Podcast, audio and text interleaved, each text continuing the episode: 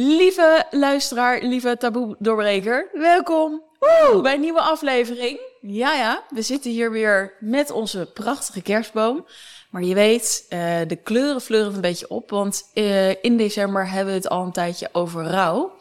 En tegenover mij weer een fantastisch, nou, mooie dame. Je ziet er fantastisch uit, lieverd. Dankjewel, dankjewel. En uh, vandaag ga ik het met jou ook hebben over, nou ja, rouw en ook de feestdagen en hoe je daar natuurlijk mee om bent gegaan. Ja. Voordat we daar uh, lekker de diepte in duiken, wil ik ten eerste de luisteraar, de kijker echt bedanken voor jullie steun. Voor de lieve berichten die we krijgen. Vooral de sprekers die hier iets hebben gedeeld. En weet je, ik ben super dankbaar dat we dit mogen doen. En dat het zoveel losmaakt. En dat jullie er echt iets aan hebben. Dus thanks daarvoor. En, en dan ga ik dus naar jou. Zou je jezelf eens willen voorstellen? Zeker. Nou, ik ben Sarah. En uh, ik heb een bedrijf, uh, Fly Coaching. Sinds een jaar ongeveer nu. En um, daar help ik vrouwelijke ondernemers om een fuck it lady te worden. Fuck it lady. Want heel vaak als ik dat zeg, worden mensen wat? Dus ik zal even fuck it lady te worden. En wat bedoel ik daarmee? Um, ja, op een authentieke manier klanten aantrekken. Um, juist impact te maken door te doen waarvoor jij bent geboren. Eigenlijk met jouw unieke gift die we allemaal in ons hebben. En om dat uh, ja, helemaal te gaan omarmen. En daar impact mee te maken en in je power te stappen. En bold moves te maken natuurlijk. Daar hou ik van. Mooi. En uh, als we dan even naar jou kijken. Uh, wat maakt dat jij dan zelf nu een uh, fuck it lady, hè, dan blijft het begrijpelijk wat maakt dat je dat nu bent? En wat is voor jou dan, want je, ik neem aan dat je daar niet voor niets naartoe bent gegroeid. En dat het misschien ooit niet was. Ja. Dus wat heeft dat jou gebracht wat je heel graag wil dat, dat mensen daarom ook bij jou komen? Nou ja, wat, ik, heb, ik ben ervaringsdeskundige daar ook uh, in. Dat heb ik dus heel lang niet gedaan. Ik heb me heel lang klein gehouden en vooral aangepast aan alles en iedereen. En daardoor uh, helemaal niks gedaan met mijn uh, unieke gift, om het maar zo te zeggen. En sinds ik dat wel doe, ik bedoel sterker nog, ik verdien er nu mijn geld mee. Um, en ik, ik vind het gewoon heel pijnlijk om te zien hoeveel vrouwen zichzelf klein houden door irreële angsten, zelftwijfel. Um, ben ik wel goed genoeg natuurlijk, weet je, dat is een hele bekende. En ik dacht, ja, weet je, ik, uh, ik, ik hou ervan om mensen in hun kracht te zetten. En dat is iets wat ik van nature heel, heel makkelijk kan doen. En uh, dat heb ik heel lang niet geoond. Um, terwijl dat wel degelijk een onderscheidende factor is. En toen ik dat wel ging doen, zag ik wat het deed met andere mensen. En uh, met vrouwen natuurlijk in specifiek. En dat vond ik zo vet en zo leuk. Um, ja, dat ik dacht, daar ga ik mijn business gewoon in beginnen. En um, ja, zodoende help ik echt heel veel vrouwen gewoon uh, uh, om, om in hun power te stappen en ook hun shit te omarmen, weet je. Niet als slachtoffer altijd maar te, slachtoffer altijd maar te pakken, maar ook gewoon vooral te denken van oké, okay, wat kan dit mij leren? Want dat, ja. ook dat is power, weet je. Ook Mooi. shit, ja. Ja, ook shit, ja zeker.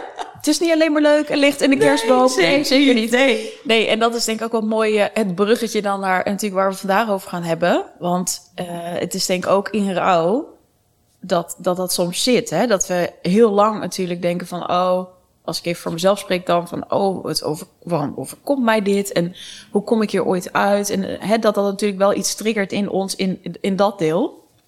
Ja. Ja. hey, maar uh, we zitten hier natuurlijk niet voor niets. Ik had jou uitgenodigd. Uh, we hebben elkaar leren kennen, heel leuk, via Suus, onze coach. En uh, nou, het klikte meteen. En jij vertelde toen bij On Your Stage, dat is een podiumdag voor de mensen die luisteren en dat niet weten uh, jouw verhaal en ook over uh, nou ja, hoe je bent gekomen waar je nu komt. En je noemde ook je papa. En um, ja, ik heb natuurlijk verschillende sprekers uitgenodigd. De ene is iemand plotseling verloren, de ander aan uh, zelfdoding. En bij jou is het natuurlijk uiteindelijk aan de ziekte geweest. Dat is niet heel lang geweest. Um, ik wil eerst even naar jou toen je wat kleiner was. En hoe was überhaupt jouw band met jouw papa? Ja, dat is een complexe band wel. Uh, mijn ouders zijn gescheiden toen ik drie of vier was. Uh, maar altijd heel, heel goed met elkaar om blijven gaan. Dus dat was heel fijn dat ik eigenlijk niet beter wist dan dat mijn vader gewoon ergens anders woonde dan mijn moeder. Want ik woonde bij mijn moeder. Um, ja, en hij, hij was alcoholist. Dus dat was. Uh, nou ja, ik heb daar niet heel veel van meegekregen. Maar blijkbaar heeft mijn moeder me natuurlijk wel in zekere zin geprobeerd te beschermen destijds. Waardoor ik ook periodes hem niet echt zag. Um, maar ook dat, weet je, dat was dan wat het was. Blijkbaar was ik in dat opzicht een makkelijk kind die gewoon zoiets had van, nou, oké, okay, dit, is, dit is gewoon wat bij mij is en uh, oké. Maar um, ja, toen ik ouder werd, weet je, zijn er ook wel periodes geweest dat we niet heel erg met elkaar omgingen. En, en eigenlijk de laatste jaren zeker wel. Ik denk wel toch wel vanaf mijn puberteit zoiets wel gewoon goed. Dus, uh, en toen ik 22 was, is hij overleden. Dus eigenlijk is dat helemaal niet zo heel lang. Maar eigenlijk heb ik alleen maar goede herinneringen er wel aan. Ondanks dat, dat er blijkbaar toch... Uh, ja, alcoholisme is natuurlijk niet... niet uh, dat brengt niet de meest fraaie dingen soms met zich mee. Maar in dat opzicht met alle credits naar mijn moeder. Want ik heb daar niks, niet echt negatieve ervaring aan overgehouden. Ja. Um, maar ik heb hem daardoor wel delen moeten missen. En tegelijkertijd uh, is dat meer dat ik dat weet, maar heb ik dat nooit zo gevoeld. Dat is meer gewoon terugkijkend eigenlijk. Mhm. Mm -hmm. Ja. En uh, heeft je vader altijd, uh, is hij altijd alcoholist gebleven? Of is dat een tijd geweest in zijn leven dan? Ja, een tijd in zijn leven. Toen eigenlijk toen mijn ouders gingen scheiden, hij ging er gewoon, ja, weet je, dat is natuurlijk, het is echt een hardnekkige ziekte gewoon. Mm -hmm. Dat wordt heel vaak ook onderschat. Verder stop je toch gewoon. Ja, als het zo makkelijk was, dan zouden ze niet bestaan. Um, dus nee, het, het, was denk ik toen, ik toen ze net gingen scheiden, zo die periode. Uh, toen ik echt nog heel klein was. En daarna is hij wel cold turkey gestopt, wat ik begreep van mijn moeder. Omdat ze zoiets had van, ja, weet je, dit is gewoon gevaarlijk. Want hij reed ook auto. En dan kwam hij mij ophalen, weet je, om leuke dingen te doen. Dus hele goede intenties. Maar ze had zoiets van, ja, luister, dit, dit kan natuurlijk niet. Ja. Um, en toen had ze zoiets van, ja, dan moet ik hem voor het blok zetten om hem te helpen. Hopelijk dat dat een, een eye-opener voor hem is. Van, ja, je moet hiermee kappen, want uh, zo kan ik je dochter gewoon niet meegeven. Ja. En uh, ja, eigenlijk is het toen gestopt ook. Dus ja, wat ik zeg, dat is allemaal langs mij heen gegaan. En toen mm. gingen we allemaal weer leuke dingen doen. En was het alsof er nooit iets was uh, gebeurd, zeg maar. Ja. ja, ik vind het wel heel mooi wat je aanhaalt. Volgende maand hebben wij sprekers inderdaad met de verslaving. En dat we vaak zo denken van, ja, maar stop je er toch mee? Ja. Maar ik vind het wel heel knap dan, uh, want het is heel moeilijk. Maar het klinkt wel alsof dat toch een, een drijfveer is geweest. Van oké, okay, maar ik wil wel met Sarah dingen blijven doen. Ja. En ik denk dat veel mensen die alcoholisme hebben gezien. Ik heb het ook in mijn omgeving gezien en gekend. Uh, op latere leeftijd en niet in mijn eigen familie. Maar dat, dat soms een kind ook nog niet per se de drijfveer is. Nee, nee, ik ben heel blij dat dat. Ik wist natuurlijk, dat is, ja, dat ga je natuurlijk niet bespreken met een kind. Maar mijn moeder heeft dat later toen verteld.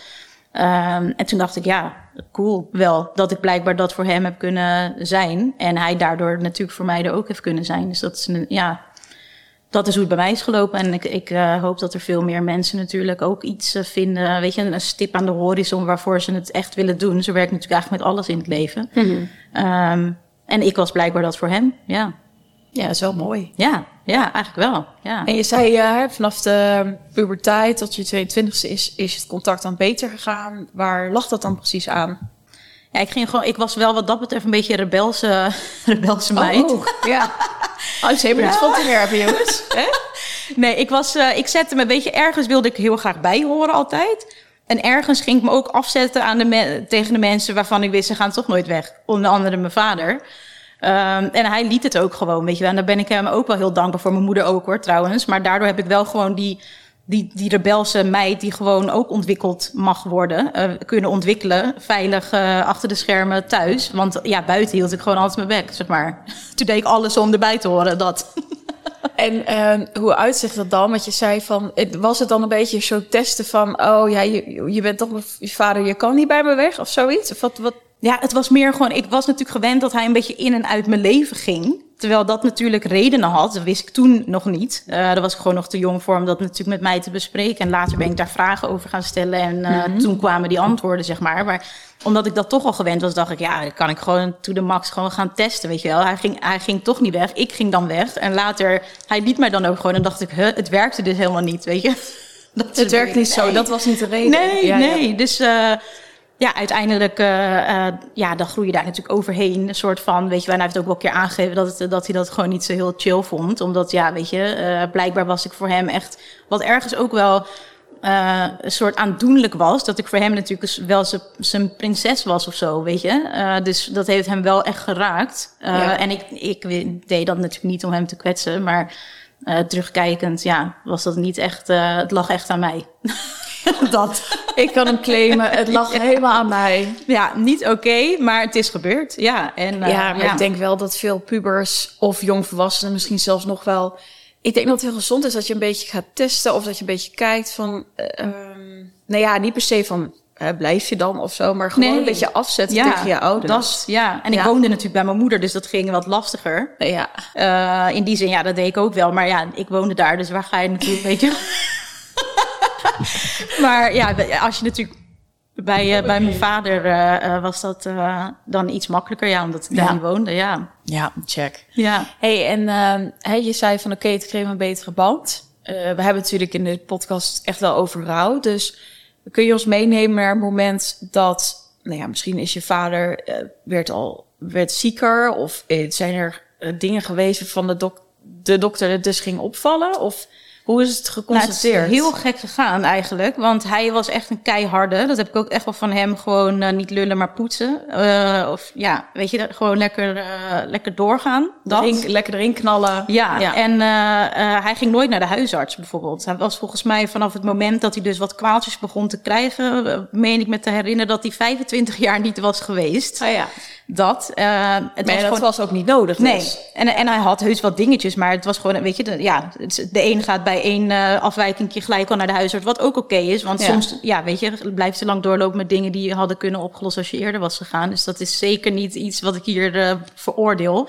Maar hij deed dat gewoon niet. Ja. En um, hij kreeg toen iets last van zijn oren. De, en, en dat was blijkbaar dusdanig vervelend voor hem dat hij toch dacht van, nou, ik ga nu dus wel. En de huisarts die stuurde hem gewoon weg van ja, weet je, je hebt oorontstekentje of zo. Uh. Kijk, kanker is natuurlijk een, want daar is hij aan overleden. Ja. Een hele, ja, een, een soort sluipmoordenaar, weet je wel. Uh, want in de meest rare hoedanigheden uit het zich. En dan ziet het heel ergens anders, bijvoorbeeld. Dat was bij hem dus ook het geval. Dus hij kreeg last van zijn oren. En de huisarts die ging helemaal niet verder onderzoeken. Het was gewoon zo van, joh, weet je, uh, kijk maar even. Terwijl, wat ik heel erg kwalijk vind, is dat uh, iemand die 25 jaar niet is geweest en wel komt, daar moet wel oog voor zijn. Weet je? Uh, want ja, met een klein oorpijntje weet ik zeker dat hij niet zou zijn gegaan. Dus dat, dat, daar heb ik echt wel lang een soort woede gehad. Dat ik dacht, een bitch, weet je, je had, had een, maar dat kon niet. Het, het is gelopen zoals het is gelopen, maar je kent dat wel. Het gaat natuurlijk door allerlei fases heen. En um, nou hij ging weer weg. En uiteindelijk kreeg hij een beetje problemen met eten. Want hij had heel graag gereisd. En dat, ja, ik hou niet van reizen, omdat het zo zwaar op de maag valt bij mij in ieder geval. En hij hield er echt heel erg van. Maar hij had ook dat gevoel van, ik zit de hele tijd heel snel vol of zo, weet je wel. En um, toen, toen ging hij toch weer naar de huis en hebben ze toch wat bloedonderzoeken gedaan. En toen was het gewoon niet, helemaal niet goed. Hij ging gewoon heel nonchalant naar, de, naar het ziekenhuis om die test te laten doen. En uh, volgens mij diezelfde dag werd hij nog gebeld van... Nou, je kan gewoon gelijk terugkomen. Dat is echt niet Want goed. die uitslagen zijn zo uh, dusdanig slecht dat we verder moeten onderzoeken. Ja. En dat was het moment natuurlijk waarop de hele rollercoaster begon. Ja. Ja. Op mijn moeders verjaardag notabene. Oh, 13 oktober. Ja, ja. ja. Ja, ik wil even terugpakken op wat jij zei, want ik herken het wel. Hè? Mijn vader is uh, overleden aan een longembolie. Maar ik denk dat het heel erg in het rouwproces hoort. Dat je gewoon een, een, een zondebok zoekt. En dat je denkt, joh, ja. ja en ja. als jij het anders had gedaan. Ja. En ergens is het misschien ook zo. Weet je, als bijvoorbeeld mijn vader eerder was doorgestuurd. Bij jou weet ik niet, want de kanker zat er waarschijnlijk al. Ja. Maar het is toch gewoon, het hoort er denk ik een beetje bij dat je boos ja. moet zijn. Ja. Ja, ja, je gaat toch ook zoeken naar een verklaring of zo. En dat is zeker met zo'n progressieve ziekte ja, het ging ineens zo snel dat ik echt dacht zo van wow, weet je ja. wel, dat. En uh, ja, dan ga je, ik dacht gewoon van oké, okay, want er zat wel een hele periode tussen dat hij dus daar geweest was, zeg maar, voor zijn oren. En het moment dat hij, uh, niet, dat hij echt het gevoel had van ik kan wel eten, maar ik zit heel ja. snel vol. Dus dat echt wel een tijdje tussen. Dus ik, ja, waarschijnlijk toen bij zijn oren was, als er verder onderzoek was gedaan, maar ja, dat is weer dat wat als. Ja. Dat zullen we nooit weten, maar ik vond het wel wat dat betreft dat ik dacht, ja, 25 jaar niet geweest. Dan ja, moet je toch je... wel een belletje gaan rinkelen van oké, okay, hij komt dus nooit. Ik, snap, ik vind sowieso iedereen moet je serieus nemen. Maar je hebt ook soms van die hypochonders die gewoon iets op uh, TLC hebben gezien. En ineens van ik heb ook zo'n vlekje, weet je wel. En uh, weet je dat, die elke dag komen. En dat, nee, dat mensen dan uh, ze niet meer serieus nemen. Um, ja, vind ik ook wat van. Maar in mijn vaders geval had ik zoiets van... nou, 25 jaar niet geweest, had ik het wel op prijs gesteld... als je daar iets beter naar had gekeken. Ja. En hij had ook wat meer mogen doordrukken, weet je. Van nou, ik voel toch... Ik kom nooit. Ik voel toch, weet je... Het it works both ways, maar... Ja, het is alsnog kut, gewoon. Dat. Nou, ik denk wel dat het een mooie is voor mensen die luisteren... van dat je je, dat je lichaam wel serieus mag nemen. En, en als je dus 25 jaar en van buitenaf... maar ook als je zelf luistert... ik heb natuurlijk ook met blinde darm eens een keer gesprongen... En ik dacht, oh, maar er is niks in eigenwijs. Maar hoe vaak zijn we eigenwijs en luisteren eigenlijk niet echt goed? En kun je dus soms wel iets voorkomen. Ja. Ja. ja. hey, en um, hey, je zei, oké, okay, uh, mama's verjaardag. Jullie kregen te horen. Wat, is, wat, wat gaat er dan door je heen? Nou, ik dacht echt, wat dat betreft ben ik, ik heb mijn uh, soort brein mee. Ik ben echt een vlierenfluiter, dus ik dacht echt, hm? Weet je wel, we gingen, mijn moeder is jarig, ineens was ik bij het ziekenhuis. Dus ik had ook gewoon nog lekker uh, allemaal chocola volgens mij en zo voor meegenomen. Taart en... Uh, ja. En toen mocht hij dat niet hebben, want ja, ze waren allerlei onderzoeken aan het doen. Dus die waarden moesten natuurlijk niet ineens gaan pieken en weet ik ja. veel wat. Dus ik, was echt een beetje dat ik dacht, nou... Maar ik kan dingen heel erg gewoon in het moment beleven. Dat ik dacht, nou oké, okay, we zijn dus nu gewoon hier. Um, en hij was, dus, ja, ik heb dat echt van hem, ook gewoon heel nuchter. Van ja, oké, okay, we gaan het onderzoeken. Want toen wisten we nog natuurlijk niet dat het kanker was. Nee, je moest... Maar ja, we was de dag van de on, het onderzoek. Dat je Precies, hij moest ja, gewoon gelijk daar blijven. Uh, ja. Omdat ze wel wisten van dit is helemaal mis. Maar uh, ja, ze gaan natuurlijk niet dingen roepen zonder dat ze echt weten wat ze dan moeten roepen, gelukkig. Maar um, ja, wat dat betreft uh, heb ik het gewoon, ben ik het gewoon ondergaan. Hij natuurlijk vooral, maar juist omdat hij zo steady is, was, kon ik dat ook gewoon zijn. Dat ik dacht, oké, okay, wat what's next, weet je wel? Ja. ja. ja. Oké, en dan hè, op die dagen dan heb je de onderzoeken gehad en dan krijg je wel een keer de uitslag. Ja, dat was, uh, nou, dat was heel bijzonder, want uh, zijn arts was volgens mij degene die, uh, um, ja, ze was heel jong en ze was volgens mij net afgestudeerd of zo. En toen was gelijk mijn vader haar eerste, weet je, dat. Intens, um, ook om het, de boodschap te Ja, en zij, zij was ook emotioneel geworden. En ik op dat moment niet, want dat is dus mijn ding. Ik ben heel erg gevoelig, dus ik kijk dan naar en dan denk ik... oké, okay, misschien heeft zij mij meer nodig en dan ga ik terug. Dus dat is niet helemaal de way trouwens, ben ik later achtergekomen. Ja. Maar ik dacht echt, huh, dit moet wel heel erg zijn, weet je Ik vat die dingen dan gewoon nog even niet. Misschien ook omdat het te pijnlijk is, dat je denkt, wat fuck hoor ik nu? Ja. Dat. Maar zij duidelijk voelden het wel en ook hoe erg het was omdat het slokdarmkanker was en de, de snelst groeiende variant ook. Dus het was zelfs zo snel dat als ze een echo namen op een x-dag en de volgende dag, of weet ik veel wanneer zou een operatie zijn, dan was die alweer veranderd, weet je wel, die tumor. Dus um, toen ik dat hoorde, dacht ik, oké, dus dit gaat ook dan rap, weet je wel. Wat, maar ik ben altijd van, wat, wat is nou aan te doen? Dus dat, dat gingen ze dan ook allemaal gelijk vertellen. Een soort oplossingsgericht denk je ja. al, dat je denkt, nou misschien dan... Ja. Weet je, je dacht nog niet meteen, mijn vader gaat dan dood. Zeker niet, nee, nee, nee, hij ook niet hoor. En ik denk die arts, ja, nee, ook eigenlijk niet. Tenminste, dat heb ik er niet uit... uit ja, omdat uh, zij al begint te huilen. Dat wel, omdat ze het zo erg vond, want hij lag daar inmiddels al uh, een tijdje... en hij is wel wat dat betreft een opvallende verschijning. Hij is gewoon de vrolijkheid zelf altijd geweest. Dus ja, dan bouw je toch denk ik eerder een band op met, met iemand. Ja, en uiteindelijk blijft ze dan ook gewoon een mens. Ja. Dus ze vond het natuurlijk niet, niet fraai om dat te gaan melden, nee. En wat waren de, op, de oplossingen die, uh, waar zij dan mee kwam? Uh, een operatie sowieso uh, en chemo. En dat was volgens mij het enige. ik weet niet of ze het ook nog over bestraling hebben gehad. Maar omdat het zo agressief was, was dat, dat zijn natuurlijk de, dat tegelijk. Weet je, eerst die chemo om het te verkleinen. En dan die operatie te doen. Um, dus dat, dat is het, het, het actieplan zeg maar, geweest waar ze, of behandelplan waarmee ze zijn gestart vlak daarna. Dus het was niet uh, dat ze even gingen kijken van wat, het werd wel gelijk, omdat ja, als het zo agressief is, moet je, kan je niet, je hebt niet eens een uur om te verliezen, zeg maar. Ja. Merkte u toen iets aan je vader van, oh, er wordt nu iets in die kracht geraakt? Of is hij altijd krachtig geweest? Altijd, altijd krachtig geweest. Uh, ja, hij, hij had, ik had het op een gegeven moment kwam het besef wel dat ik dacht van, wat, wow, weet je, het is misschien toch dodelijk. Ook al was dat niet bevestigd, totaal niet. Maar ik dacht er ineens aan, weet je wel, van nou, wie weet. En toen ik ging het gewoon bespreken, weet je wel. Ik dacht van ja, hij was dat, wat dat betreft ook gewoon, stond overal voor open. Dus ik ben het gewoon gaan vragen. Ik dacht van ja, hoe kijk jij ernaar? Hoe, hoe zie jij het? Maar hij had heel die angst niet. Dat was ook zo bizar. Ik ook, en ik om, daardoor ook niet. De angst om dood te gaan? Ja, jij? dat had hij niet. Nee. En, en wat is dan bijvoorbeeld wat je vroeg en wat, wat hij dan teruggaf? Nou, hij had meer zoiets van, weet je, uh, ik heb een fucking leuk leven gehad. Hij was echt een uh, soort rockstar, weet je. Lekkerste ding. rock. Ja, hij was wat dat betreft wel gewoon... Uh, ja, hij heeft gewoon inderdaad een heel mooi leven gehad. Natuurlijk met diepe dalen, maar ook hoge pieken. Dat is altijd natuurlijk de keerzijde, de, de andere kant van de medaille. Um, ja, nee, hij had er gewoon zoiets van... als dit dan is wat het is, dan is het ook oké. Okay. Maar hij vond het natuurlijk erg voor mij... Mm -hmm. En tegelijkertijd zei hij, ik, ik zal nooit vergeten dat hij zei van ja, maar ik zei zo, waarom jij, weet je, dat, dat je in een soort paniek gaat van wat de fuck is, dat?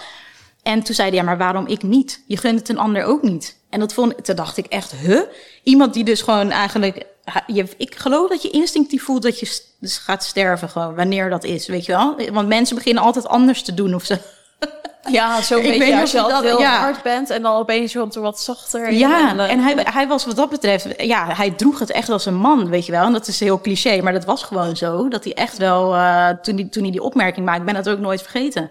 Dat ik dacht, ja, weet je hoe, hoeveel mensen zitten niet de hele godganse dag te zeiken. En eh, ook de hele tijd tegen zichzelf of over zichzelf af te vragen waarom ik. Terwijl als je even in spl- eh, ook nadenkt van, maar gun je het dan een ander? Onderga jouw shit gewoon. Als een man of vrouw. Als een man of vrouw. Nee, ik vind het een hele mooie uitspraak. Ja, En dat ik denk dat we dat, wat ik net al zei, we denken dat heel snel. Van Ja, tuurlijk. waarom ik? Ik ook, en ik hoor. dacht dat dus Ja. ook bij mijn papa, bij mijn Ja. vader. Maar eh, nee, ik had er nog nooit zo over nagedacht. nee. Super mooi. Ik was ook echt helemaal stil, weet je wel. Je kent mij, dat ben ik niet zo heel snel. Oh ja, eh, nee, zeg maar. de mensen luisteren, die luisteren, die merken het ook niet, nee. Dus ik dacht echt zo, huh? Ik moest het even... Ja, en toen dacht ik later Wat van ja, raden. Ja. Dit, dit, dit... Ik heb er echt wel ook jaren over gedaan om het te vatten. Ik heb het toen gewoon even gelaten. Omdat ik het niet helemaal... Ik snapte het ergens wel, maar misschien wilde ik het ook gewoon niet begrijpen. Want ik dacht, nee, tuurlijk gun ik een ander dat niet. Maar dit wil ik ook niet, weet je wel. Maar ja, hoe ouder ik ben geworden, hoe meer ik ben gaan pakken wat hij nou zei. En dacht van ja, dat ben ik eigenlijk wel een beetje als voorbeeld, als soort levensvisie eh, gaan zien. Die ik echt wel, eh, eh, ja, we krijgen allemaal shit op ons pad, weet je wel. En ja, de een heeft een ziekte en de ander andere shit, weet je. Het, het is ieder zijn eigen ding. Maar ehm, uiteindelijk krijg jij wat je nodig hebt. En ik, ik heb hier heel veel van geleerd van zijn overlijden. En ehm, had ik dat willen meemaken? Nee. Maar nu het toch is gebeurd, ja, dan kan je er beter gewoon maar je voordeel ook mee doen. En jezelf dat ook toestaan. Want dat is ook nog een dingetje in de rouw. Dat je denkt van, nou, ik ga hier helemaal nooit positief naar kijken. Maar dat, ehm, dat is heel waardevol juist wel. Ja. Ja, want we hebben het natuurlijk over rouw. ik denk dat ik dat zelf ook, hè, dat mensen het soms raar vinden van, oh ja, ik heb iets positiefs eruit gehaald. Of, maar ik denk ook bij jou, eh, dat, wat ik toen bij je zag ook, is dat het een soort drive ook is geworden. Zeker. En ja, had je die dan ook, je was al heel krachtig natuurlijk, want je had het ook gezien bij je vader, maar had je dan ook al zo neergezet?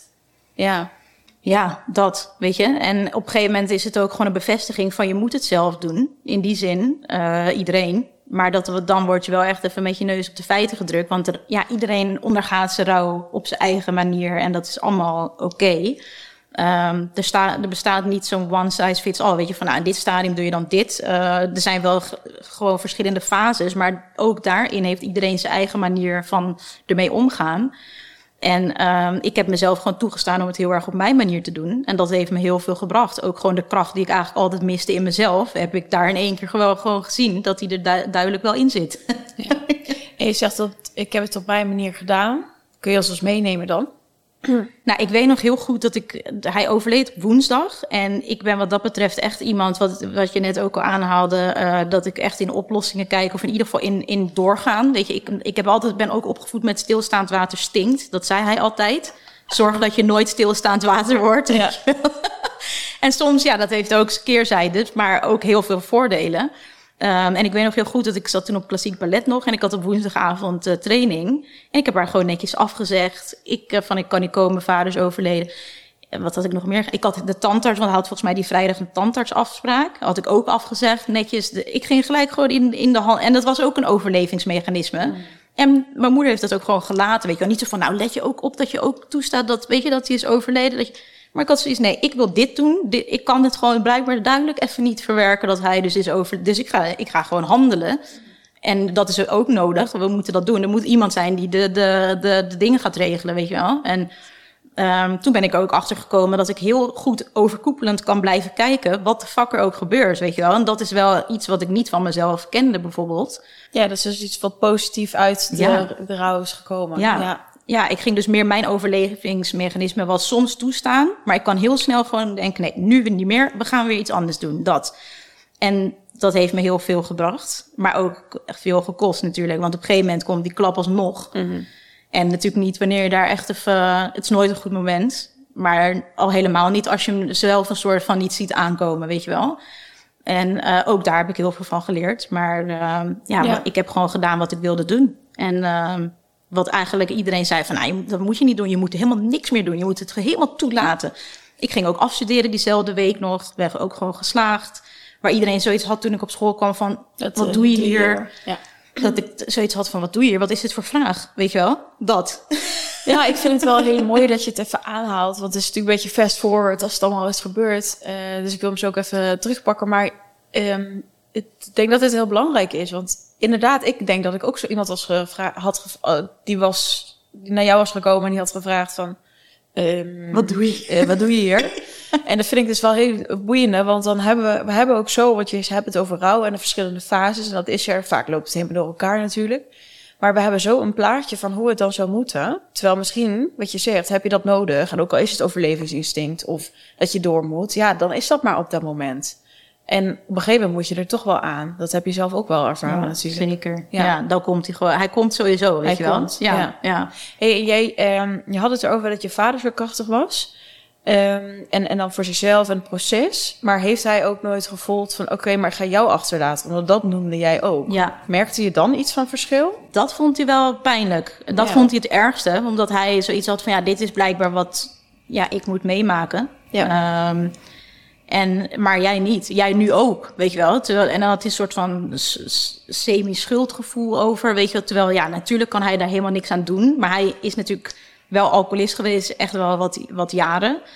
Um, en slokdarmkanker, ja, dat komt ook door uh, alco overmatig alcoholgebruik. Hij rookte als een gek. Uh, zware check. Ja, het rockstar uh, natuurlijk. Ja, ik hoorde het al. dat. En ja, hij dronk altijd koffie, echt waar wij gewoon uh, lekker water gaan drinken. Had hij, gewoon een, hij vulde ochtends gewoon een thermoskan. Daar, dat, weet je wel. Zo iemand die zeven koffie op een dag drinkt, ja. of tien, of uh, ja, vijftien. Dat. En als het op was, zette hij weer een nieuwe, weet je, gewoon liters koffie. Ja. Dan moet hij zwart, helemaal lekker sterk ook.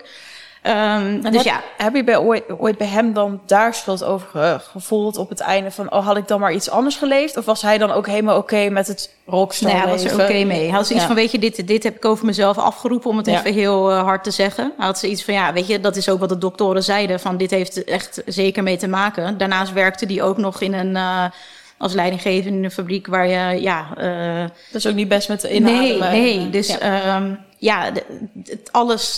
Natuurlijk hoop je dat het, maar je weet gewoon, hij heeft misschien ergens onbewust toch altijd wel zo van ja, we zien hoe lang het duurt, zeg maar. Want ja, hij is maar 57 geworden, dus dat was niet, in mijn ogen veel te kort. Um, maar hij had zoiets van ja, dat, dat is dan wat het is. Ik bedoel, hij is ook nooit gestopt. De artsen hadden ook niet, uh, weet je, op een gegeven moment ging het allemaal zo snel dat ze zoiets hadden van nou Stoppen, stoppen met roken heeft geen zin. Ik zal, niet meer. Ik zou ook nooit vergeten dat hij gewoon... Eh, hier, we zitten hier op een kleedje. Ik weet niet of dat te zien is, maar we, hier nou, zitten we dus op zo'n kleedje. En hij zat dan ook zo op de bank. En dan door de chemo, ja, dan gebeurt er van alles in je lijf natuurlijk. Hij was heel moe. En dan zat hij gewoon met zijn shaggy viel die in slaap. Dus je moest altijd ook met hem zijn. Want anders stond gewoon zo dat kleed in de fik, weet je wel. Want toen zag, zag gewoon zo pitten, weet je, met dat ding. En dan denk ik, ja, ja, weet je, dit is, hij heeft het gewoon geoond helemaal. En, uh, maar inderdaad, hij had wel zoiets van, oké, okay, en jij dan? Maar ik heb heel veel steun gehaald uit zijn ownen, zeg maar, weet je. Omdat ik dacht van, oké, okay, ja, als hij het kan ondergaan. Uh, ja. Op een gegeven moment gun je iemand ook niet eens meer dat hij nog doorgaat met leven. Want het, hij was heel woog 38 kilo. Ja, precies. En hij was 1,85 of zo. Dus dat, dat, dat, dat, ja, dat is gewoon niks. Dat, nee, dat, dat op een gegeven moment wens je iemand bijna dat je rustig mag uh, ja, inslapen. Ja. En op een gegeven moment was ze ook uitgezaaid naar zijn botten, allemaal problemen. Dus als die gingen hoesten, dan nou, het was echt vreselijk, ja. weet je. Dus dan op een gegeven moment kon ik er ook wel berusting in vinden dat je denkt, het, dan het is, het goed. Ja, ja, ja, als het dan toch moet, niet verder dan dit. Want dit is gewoon nog erger eigenlijk. Om ja. zo'n lijdensweg te zien, ja. Ik vind het mooi wat je noemt eigenlijk een heel erg contrast van... en ik kon er eigenlijk heel erg om lachen als ik hem dan zo zag zitten met zijn checkie en ja. dan gewoon bijna slapen. Dat je denkt, oh god, dan gaan we weer. En ja. tegen de, hè, wat je, want dat is natuurlijk anders dan dat ik heb meegemaakt. Je, je ziet wel een stuk ziekte. Ja. En daarin dus ben ik benieuwd, wat je noemt het al even, maar hoe is dat om iemand dan daarin zo te zien aftakelen? En je ziet altijd nog wel je vader, maar op een gegeven ja. moment is het natuurlijk ook zo anders. Want het is altijd iemand krachtig geweest. Ja. Maar als je al nou dus meer, hè, je moet al wakker blijven en moeite doen, dan lijkt me ook dat iemand helemaal daarin verandert. Ja, ik ben wel wat dat betreft hem altijd. Ik heb hem. Hij wilde dat ook heel graag. Gewoon om hem wel. Als ik kijk, natuurlijk had hij wel meer hulp nodig op een gegeven moment. Maar Um, ook bijvoorbeeld als die verschoond moest worden, uh, als die in het ziekenhuis lag voor dingen of zo, dan ging ik ook gewoon weg. Weet je wel, dan ga ik dat niet doen voor hem. Uh, omdat, ja, weet je, dat zijn kanten die ik gewoon, net als met het afleggen bijvoorbeeld, uh, als iemand is overleden, hebben ze mij ook gevraagd: ik zei nee, dat wil ik gewoon niet. Um, dat zou hij nooit hebben gewild en ik wil het sowieso niet, ja, omdat het is mijn vader. En ja, ik, ik, ik vind het bij een vrouw misschien nog anders. Maar dat is gewoon echt zo fragiel dat ik denk, nee, dat ga je dan ook onthouden. En het was eigenlijk al erg genoeg hoe die erbij lag überhaupt op het eind. Dus nee, ik heb daarin heel bewuste keuzes gemaakt om hem ook echt in die power te blijven zien. En herinneren dan. Dat, uiteindelijk. ja. Want je kunt er niet voorkomen, want ja, hij, ziet, er- hij zag eruit zoals hij eruit zag. Ehm, maar ik heb wel heel bewust keuzes gemaakt door bepaalde dingen niet mee te willen maken met hem. Eh, ja, omdat ik dat gewoon niet wilde herinneren en hij ook niet. Weet je, natuurlijk wel altijd gezorgd dat iemand met hem was, maar dan was ik dat gewoon niet. Dat, ja. Ja. Je klinkt ook wel hè, in, dit proces heel krachtig. Heb je in het begin ook al ruimte gehad voor eh, eh, emoties en het gevoel? En, en, en wat, ja, op een gegeven moment is het dan, want het was oktober en dan is het, in mei was je overleden, ja. of niet? Ja. ja, zo snel, ja. Ehm, en dat is natuurlijk dan een half jaar? ja, zeven maanden zoiets, ja. ja. Ehm, ik kan me voorstellen dat je denkt, want in het begin was het nog, zei je ook van, hè, nou ja, dood. Die overleeft het wel, weet je. Ja. Is, dit is, dit is een taaie. Ja, En op een gegeven moment merk je het. En op een gegeven moment wordt denk ik gewoon de arts gezegd... oké, je hebt nog twee of drie maanden. Ja. Ja. Ik weet niet hoe dat gaat. Ik nou, heb het dat- meegemaakt. Het is eh, heel bizar gegaan. Dat, dat is denk ik nog waar, waardoor ik helemaal in een soort overleving schoot. ja. Omdat ehm, het leek er eigenlijk op dat het allemaal wel goed zou komen. Best wel lang, tot begin dat jaar, begin 2012. Ehm, want hij werd toen geopereerd. Dat was een hele, hele ingrijpende operatie. Want hij is echt helemaal opengemaakt. Want ja, die hele slokdarm, dat hele stuk moest eruit. Weet je, dat was helemaal aangesloten. Hele toestand. En eh, op het moment dat ze hem openmaakten, dat weten we dus natuurlijk pas achteraf, hadden ze iets van nee, het zat al helemaal tegen de wanden. Weet je wel, eigenlijk gewoon heel technisch zou je ze hele rond moeten verwijderen, geloof ik, wil je dat weg kunnen snijden. En ze hoopt, tuurlijk, weet je, je met de beste intenties hoop je toch nog iets te kunnen doen, zoveel mogelijk weg te halen en de rest nog te bestralen of chemo. Ik weet niet hoe dat allemaal werkt. Ehm, maar ja, dat is dus niet, duidelijk niet het scenario geworden. Maar die, operatie was geslaagd. Dus ik heb, ik heb hem daar 's ochtends toen gebracht. En eh, echt de hele tijd natuurlijk met die telefoon in mijn hand. Want ja, het is zo'n ingrijpende... Hij had ook op tafel kunnen sterven Ja. al, weet je wel. Maar dat was niet gebeurd. Dus het was echt... eh, en wat ik gewoon heel erg die arts heb kwalijk genomen... is dat op dat moment hadden ze dus blijkbaar al gezien... dat het eigenlijk gewoon hopeloos was. kansloos eh, Ja. geval. eh, het wordt echt niet beter. Nee, en dat ze mij dan wel bellen met de operatie is geslaagd. Het is gewoon fucking helemaal niet geslaagd. Weet je wel? Nou ja, en het is geslaagd. En de boodschap hoort iets anders te zijn. geslaagd als in hij is niet overleden Nee, inderdaad ja, op de tafel. Als ze dat, want ik ben wat dat betreft heel... Dat, dat, ja, ik, dat is natuurlijk hele zijtak, maar ik ben hoogbegaafd. Daardoor vat ik dingen ook gewoon letterlijk op. Dus als je mij zegt het is geslaagd, dan heb ik geslaagd. Wat betekent geslaagd? Het is goed gegaan. Eh, Weet je, we hebben het gehaald. Mhm. Maar zij bedoelde waarschijnlijk met geslaagd. Hij is inderdaad nog levend uit de operatie gekomen. Ehm, en misschien is het ook een bewuste keuze geweest van hun om het niet te... Maar dat, ja, dat, dat is natuurlijk uh, koffiedikheid, dat weten we niet. Maar ik heb ze dat heel erg kwalijk genomen. Ik ben het gesprek er ook over aangegaan. Omdat ik zoiets had van, huh, maar ergens in februari, januari, februari werd... Nee, iets daarvoor, want hij was 25 februari jarig. En daarvoor was hij geopereerd. Um, en ja, ik had zoiets van, wat de fuck? 30 mei sta, staan wij hier te, uh, mijn vader te cremeren. Hoe bedoel je het is geslaagd? Wat is, wat is misgegaan in twee maanden dan, zeg maar, weet je En um, daar ben ik toen het gesprek ook over aangegaan. Ik heb ze gewoon uh, ja, gevraagd om met mij uh, door die operatie en door alles heen te gaan. En dat, daar waren ze heel erg van onder de indruk. Want ja, iedereen had verwacht van die is helemaal, weet je, die is nu bezig met iets heel anders. Maar ik wil gewoon mijn antwoorden. Anders kan, dat, dat had ik echt nodig eerst om te kunnen verwerken wat de fuck er überhaupt was gebeurd. Want ik was je een echt beetje voorgelogen dan dat, op dat moment. Ja, het heeft ja. heel veel gedaan met mijn vertrouwen naar mensen toe. Weet je, want je moet natuurlijk artsen vertrouwen. Uh, en dat was echt wel even weg ook. Mm -hmm. uh, omdat ik zoiets had van, maar je hebt mij toch gebeld met dat het geslaagd was. Wat was je plan dan? Weet je, wat, wat, want hoe kan je mij dan nu vertellen? Eigenlijk zagen we dat het hopeloos was. Dat hebben ze daarna verteld. En ik ben ze daar ook wel dankbaar voor dat ze gewoon eerlijk zijn geweest. Want dat, dat hadden ze ook gewoon kunnen verzwijgen. Um, en dan had ik het nooit geweten. En ik had zoiets van, weet je, menselijke fout is, is altijd, ja, dat, dat kan gebeuren. Ja. Um, maar dat ze het ook hebben geoond, ja, dat, dat vind ik ook krachtig. En daardoor kon ik ook weer verder. Maar ik had natuurlijk wel de ballen blijkbaar om gewoon ze op het matje te roepen bijna. Ja, ja en ik denk ook nodig voor het proces ik waar moest we net het echt over doen, ja, hadden. ja, ja. Hey, en uh, wanneer is dan voor jou, want ik hoor best wel veel hoop, hè, of Ja. het komt wel goed. Ja. Wanneer is dan een soort van dat boom uit elkaar gevallen? toen het eigenlijk na die operatie, want het ging eerst wel weer even beter. En um, daarna niet echt meer, weet je wel. En dan gingen ze ook echo's maken. Dus zagen ze toch ook weer gewoon, weet je, dat het gewoon uitgezaaid was ook. Ja. Ja, toen dacht ik wel van oké, want hij op een gegeven moment was hij natuurlijk, hij was al wat langer in dat proces en omdat natuurlijk zo'n zware chemokuur en zo allemaal waren, ja, dan dat doet natuurlijk iets met de mens, weet je wel. Dus hij, hij zou echt niet nog zo'n klap kunnen handelen waarschijnlijk. Dus um, ja, op dat moment hadden we zoiets van, nou, er waren een paar scenario's en hij heeft toen zelf ook wel voor gekozen om gewoon niks meer te laten doen, omdat hij zoiets had van, ja, het is eigenlijk bijna niet meer te doen. Uh, juist omdat hij natuurlijk al zo veel was afgevallen, dat hij misschien het ook überhaupt van die zware chemo's niet eens meer zou uh, trekken. Dus ja, hij heeft er gewoon voor gekozen van dan gaan we het zien. Uh, hoe, en natuurlijk wel een, wat, wat, wat pijn, onderdrukking en dat soort dingen. Om het wel een beetje humaan te houden. Ja. Maar uh, nee, hij dacht van nee, dit, dit, dit is het dan. Dus toen, toen dacht ik ook van nou oké, okay, dan moet je je erbij neerleggen. en dat is wat ik zei, weet je, op een gegeven moment gun je iemand dat ook. Ja. Dat klinkt heel gek en heel hard. Maar je kan het pas, denk ik, vatten als je erbij was. Dat, ja.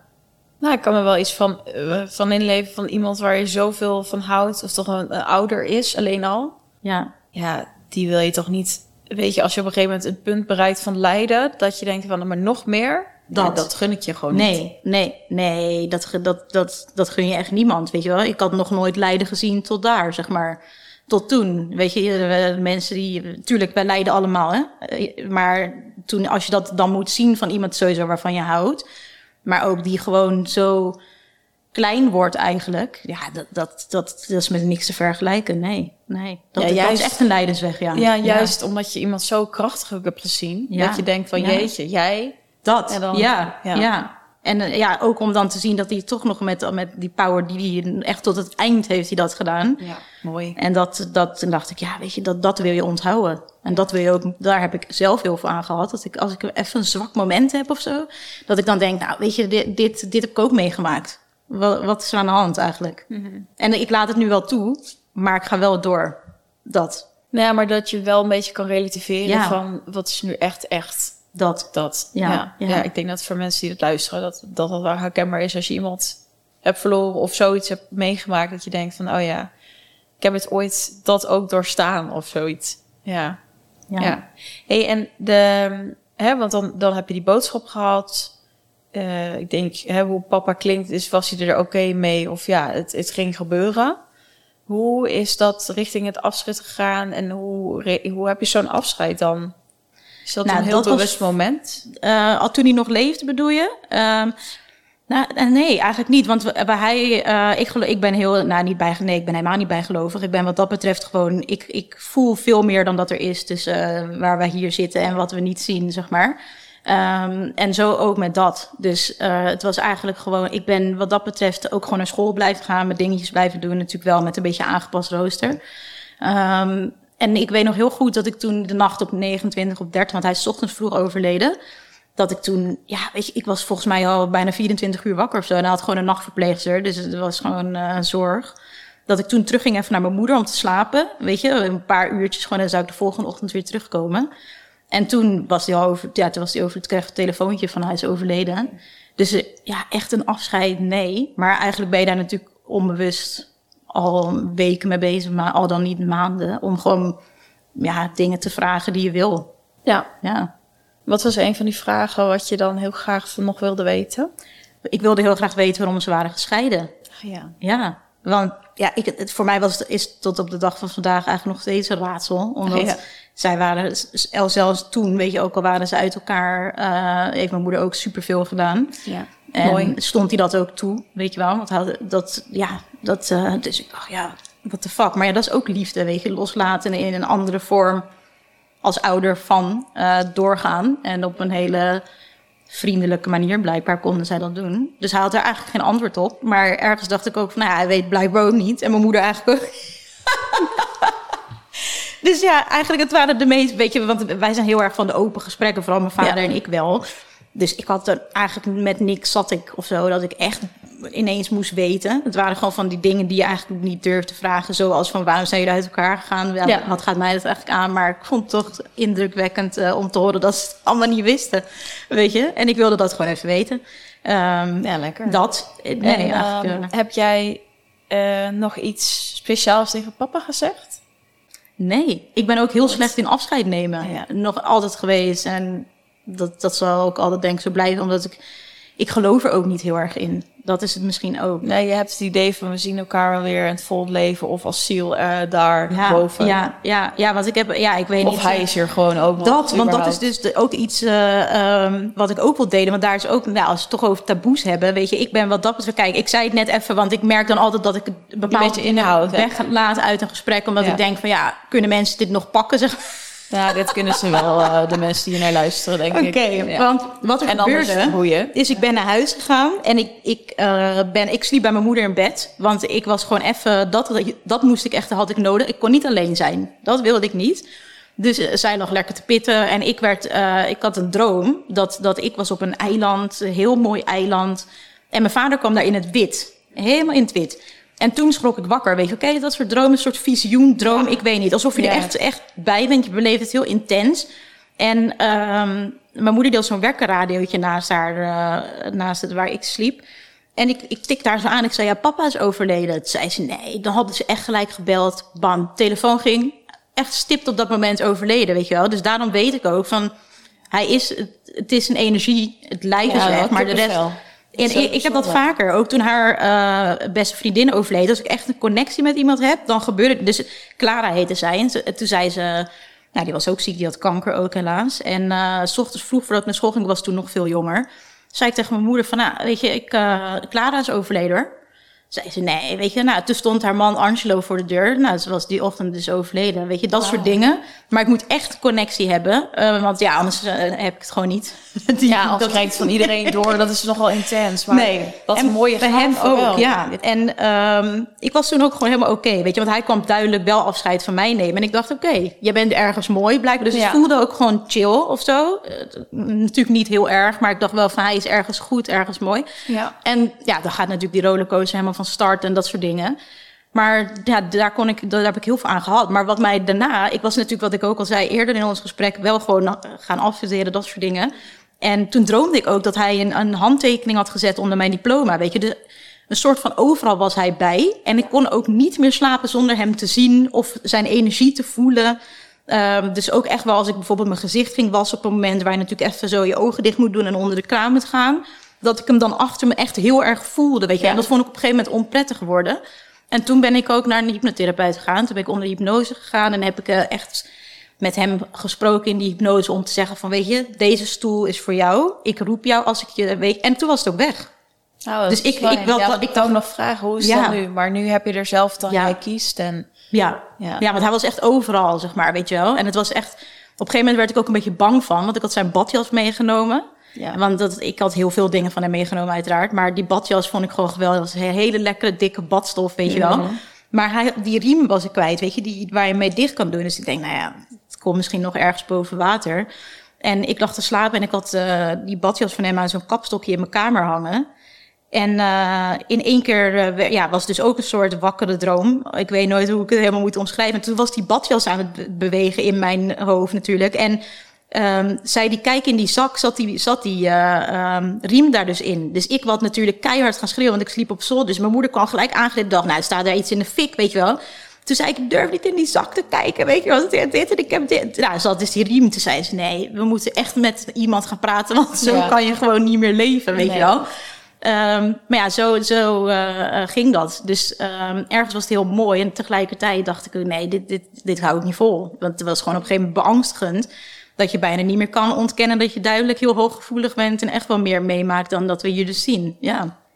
En vooral als iemand is overleden. Weet ja, je? wel bijzonder, want het ja. voelt wel heel erg van of je vader dan heel erg de kracht en achter je wilde blijven staan. Ja. En hé, hey, lieverd, ik ben er nog steeds. En dus ja, dat is wel mooi. Ja, ja maar het, het kan, ik dat. snap heel goed dat het beangstigend is. En ja. je denkt, jeetje, weet je wel, zit hij er nou? En dan gaat er weer, dan valt er een kerstbal uit die kerstboom, weet ik veel. Dat je denkt, ja, we weten het nu wel. Ja, ja dat. Ja. Dus nee, ik beperk het nu gewoon. Uh, wij hielden allebei van vlinders. Dus als, als ik dat ergens zie, dat is heel vaak als ik iets aan het doen ben of iets spannends ga doen, dan komt er altijd ineens als thema een vlinder. Weet je, dat mooi. ik denk, oké. Okay, dit, hij keurt het ook goed, weet je wel. Dat, dan vind ik het heel fijn. Maar echt, wat, hoe het in het begin was, ja, dat... Uh, ik, op een gegeven moment sliep ik ook amper meer. En dan, uh, dan wordt, gaat het een heel eigen leven leiden, ja. zeg maar. Dan krijg je ook gewoon een soort... Uh, ja, over vermoeidheid, een soort psychose-achtige situaties. Omdat je natuurlijk gewoon niet meer slaapt, weet je wel. En dat, uh, ja, dan, mijn moeder die heeft mij heel ver mijn eigen ding laten doen. Totdat ze echt zag van dit wordt voor jouw gezondheid, zeg maar, een issue. Ja. En dan luister ik ook wel. dan laat ik me wel helpen. ja, maar dan voel je ook zelf, oké, ze heeft gelijk. Ja. Dus dan, uh, ja. Ja, en dan hij heeft terug naar, naar het, het overlijden dat is gebeurd. Uh, hè, je zei van, ik ging eigenlijk door op automatische piloot. Uh, het gaat natuurlijk ook een beetje over de feestdagen. Maar ik ben eerst benieuwd van wanneer is bij jou dan het gekomen dat je zegt van... Oké, toen voelde ik dus wel dat er dat die rouw echt opkwam of dat verdriet. Of... Nou, de feestdagen vind ik nog steeds helemaal niks. Uh, want hij, ondanks dat ze natuurlijk gescheiden waren, vierde hij die wel heel vaak bij ons. Uh, totdat hij een nieuwe vrouw uh, kreeg. En um, ja, ik heb er helemaal daarna eigenlijk niks meer mee. Dat ik denk van ja, er mist gewoon een heel onderdeel. Ja. Um, en ik doe wel dingen, maar niet meer dat hele gezinsding. Weet je, daar, kan ik, daar sluit ik ook niet bij aan. Ik heb, daarom is het ook heel belangrijk om gewoon je eigen pad te volgen hierin. Want uh, heel vaak ook met schoonfamilie bijvoorbeeld krijg je daar wel eens eh, wat wrijving over. En ik snap dat ze het heel fijn zouden vinden om uh, mij bijvoorbeeld daar dan wel bij te hebben. En tegelijkertijd um, heb ik daar wel eens gehoor aan gegeven. En dat is mij heel duur komen te staan. Want niemand kan voor jou voelen wat jij ervaart tijdens, na, voor, whatever. Um, dus dat is ook de boodschap die ik mee wil geven aan de mensen die kijken en luisteren. Van blijf echt dicht bij jezelf. Um, omdat sinds ik het niet meer doe, heb ik de leukste feestdagen. Ik ben gewoon, soms doe ik helemaal geen ene reet. Met mijn moeder in mijn pyjama, whatever. Ik doe in ieder geval wat ik wil doen. Waar ik me fijn bij voel. Omdat het, het is toch beladen, weet je wel. En dan zitten mensen maar het is nu toch al tien jaar geleden, denk je, ja. Het is maar tien jaar, misschien ook. Ja. Dat, weet je, je, je weet niet. Uh, en, en mensen die zeggen heel vaak dingen die ze natuurlijk heus wel goed bedoelen om je misschien een hart onder de riem te steken. Maar daarom is het heel belangrijk om te kijken van wat, wat, wat voel ik zelf, wat wil ik zelf en daar gehoor aan te geven. Ja. Omdat, um, ja, toen ik dat niet deed, heb ik daar echt wel last van gehad. Dat ik dan heel geforceerd leuk ging zitten doen. En dan ook een soort schuldgevoel had van, ja, weet je, hij is er niet bij. Dat soort dingen. En dat, dat, dat denk ik, ja, dat wil ik helemaal niet. En zolang ik daar niet klaar voor ben, ga ik dat ook gewoon niet doen. Ik denk met de dood zit er altijd een soort van randje aan. Of het ja. nou feestdagen zijn, of dat je geslaagd bent, eh, of je kinderen krijgt, ja. weet je. Nou ja, als je die wil. Maar, um, hoe heet het? En, en de bewuste keuze is dus, omdat je zegt van, het is toch altijd een lege plek. En dat, dat, of tenminste dat gevoel, dan kan ik wel leuk gaan zitten doen, maar dat gevoel is wat overheerst, ja. heersend is. Ja, ja. Dus ik denk, ja, ik zit daar niet uh, echt op te wachten eigenlijk. En um, ja, wat ik zeg, dat schuldgevoel daarna of zo, weet je, dat je denkt, ja, is je daar helemaal leuk te doen, terwijl hij is er niet bij. En ergens denk ik dan ook altijd van, ja, hij wil, zou heus hebben gewild dat ik doorga, maar hij zou ook hebben gewild dat ik dicht bij mezelf bleef. En als dat betekent dat ik niet op al die dingen ga komen, dan is dat wat het is. En, en ja, daar moet je ook echt wel voor in je, in je power gaan staan om dat te kunnen doen. Want Anders krijg je weer het schuldgevoel van ik ben daar niet en mensen vinden daar wat van. Weet je, ja, je doet het toch nooit goed. Daarom is het heel belangrijk om echt uh, te doen wat goed voelt voor jou en de keuzes te maken die uh, daarbij passen. Mooi. En uh, nog even terug naar wanneer is de rouw voor jou echt begonnen? Ik denk dat het vooral heel erg kwam toen, uh, dat is pas een aantal jaar geleden, toen ik nog, uh, ik heb hiervoor bij justitie gewerkt en in de jeugdzorg. En er was er een, een meisje van 14 in mijn uh, caseload die zich heeft verhangen. Um, en toen ineens kwam het echt dat ik dacht, wow, weet je wel, ook kinderen. Uh, het, het, was echt, en toen in één keer kwam dat helemaal van, wow, dit uh, is weer een soort van, kijk, het was natuurlijk geen sleutelfiguur voor mij, maar ik vond het wel heel erg dat een kind van 14, toen ik ongeveer nog met bloemetjes onderbroek aan het uh, rondlopen was, weet je wel, en met poppen speelde, nadenkt überhaupt over, over zelfdoding en het ook uitvoert en het lukt. Weet je wel, dat, dat viel even allemaal samen. En toen dacht ik, wow, mijn vader is er niet. Weet je, kwam in één keer gewoon heel de topic dood, zeg maar, naar boven. En toen ben ik ook wel echt even diep gegaan. Heb ik ook wel echt traumapsycholoog voor in uh, moeten schakelen om daar eruit te komen. Omdat wat dat betreft heb ik een heel complex mechanisme. Dat ik, wat ik al eerder aanhaalde, heel erg kan blijven denken. Ik zit heel erg in mijn hoofd en dat helpt je heel ver natuurlijk, maar kost je ook heel veel duidelijk. Um, omdat ik het gewoon na zeven jaar was het gewoon van... hé, hey, ik weet niet wat jij gaat doen... maar ik ga nu even gewoon rouwen, weet je wel? Dat, was mijn hart. ja, het was 2019 ongeveer dat het echt... Uh, dus heb je, zo, heb je zo lang een soort van op de automatische piloot... en door, door, door... en, en eigenlijk ook helemaal niet naar dat gevoel willen nee, gaan. Nee, ik heb een paar, in het begin een paar keer gehad... maar ik zie het ook terug op foto's van de crematie of eerst op het afscheid en daarna de crematie, dat ik sta die mensen ook te troosten, weet je wel. en, en dat is, dat is iets, ja, ergens vind ik dat ook iets moois en tegelijkertijd is dat niet gezond. Um, maar het was op dat moment blijkbaar wat ik nodig had om te doen. Dat ik het beter kon dragen van ik draag jou wel. Um, of ik mezelf in ieder geval niet dat, te dragen. Ja. En uiteindelijk, weet je, mijn moeder was er toch altijd wel. En die hield dat allemaal echt wel nauwlettend in de gaten. Maar die had zoiets van dit is blijkbaar hoe Sarah het wil doen. En um, dan, dan let ik nog even iets extra goed op, zeg maar. Maar dan, dan is dat wat ze gaat doen. Ik denk dat het voor velen heel herkenbaar is. En dat hoeft niet eens over rouw te gaan. Maar dat we gewoon heel vaak maar denken, ik zorg voor jou. En dan hoef ik ook niet met mezelf mijn eigen shit bezig te zijn. En ook niks te voelen. Nee, nee. Ja. nee. Ja, mooi. Maar ik vind het ook, eh, wat je zegt, wat ik zo mooi vind, is dat jouw moeder heel erg de vrijheid bij jou heeft gelaten. Ja. En ik denk dat dat heel knap is voor een ouder, want die zien misschien ook wel, oké, nou ja, je schiet in je hoofd en je bent door, door, door, maar er is wel veel gebeurd. En ja, dat vind ik wel echt knap dat ze dat zo helemaal heeft dan losgelaten. Ja, tot, tot het ja. niet goed ging en natuurlijk op bepaalde momenten. Maar ik denk, ik zit even na te denken, nou, als ik zelf mama zou zijn, dan zou ik toch wel misschien al eerder weer hebben gedacht van... oh schat, en hoe is het? En moet je niet gaan voelen? Weet je wel, nou, de coach. Ja. Die komt even naar boven dan. Nee, maar ja. moeder is wat dat betreft ook heel erg... Uh, weet je, die gelooft er ook gewoon heel erg in van... we laten je een lichaam achter.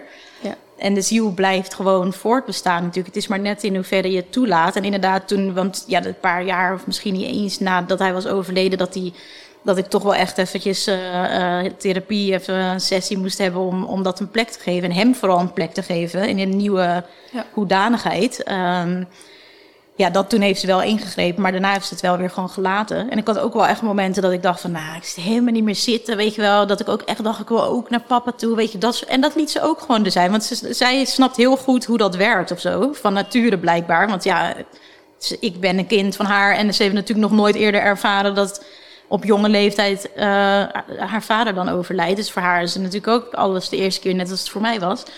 Maar ze had wel gewoon zoiets, ze zag mij heel erg. En ze gelo zij geloofde dus duidelijk voordat ik het zelf zag in mijn eigen kracht. Van jij gaat het echt wel redden. Um, en doe, juist door te doen hoe jij het wil doen. En wat voor jou nodig is om het te kunnen dragen, dat verlies. Ja, ja ik denk dat het, dat, dat wel de boodschap is van, uh, de, van jouw podcast. Van uh, blijf bij jezelf. En voel wat je nodig hebt. En ook al is het dan niet hè, meteen de, de heling of de rouw in uh, te duiken, dat, uh, dat dat ook oké is. En dat je echt bij jezelf mag blijven. Ja, en dat is natuurlijk wat eigenlijk helemaal uh, grappig. Dat je als je het zo zegt, dat ik ineens denk van ja, dit doe ik eigenlijk ook in mijn business met een heel ander topic natuurlijk. maar precies.